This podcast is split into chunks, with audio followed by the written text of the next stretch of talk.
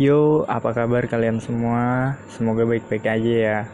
Ya, padahal know lah, pasti kalian yang lagi ngedengerin podcast ini maybe sedang kurang baik entah itu jasmani atau rohani kalian, tapi kalian harus percaya, suatu hari nanti kalian akan bahagia dengan apa yang menjadi pilihan kalian.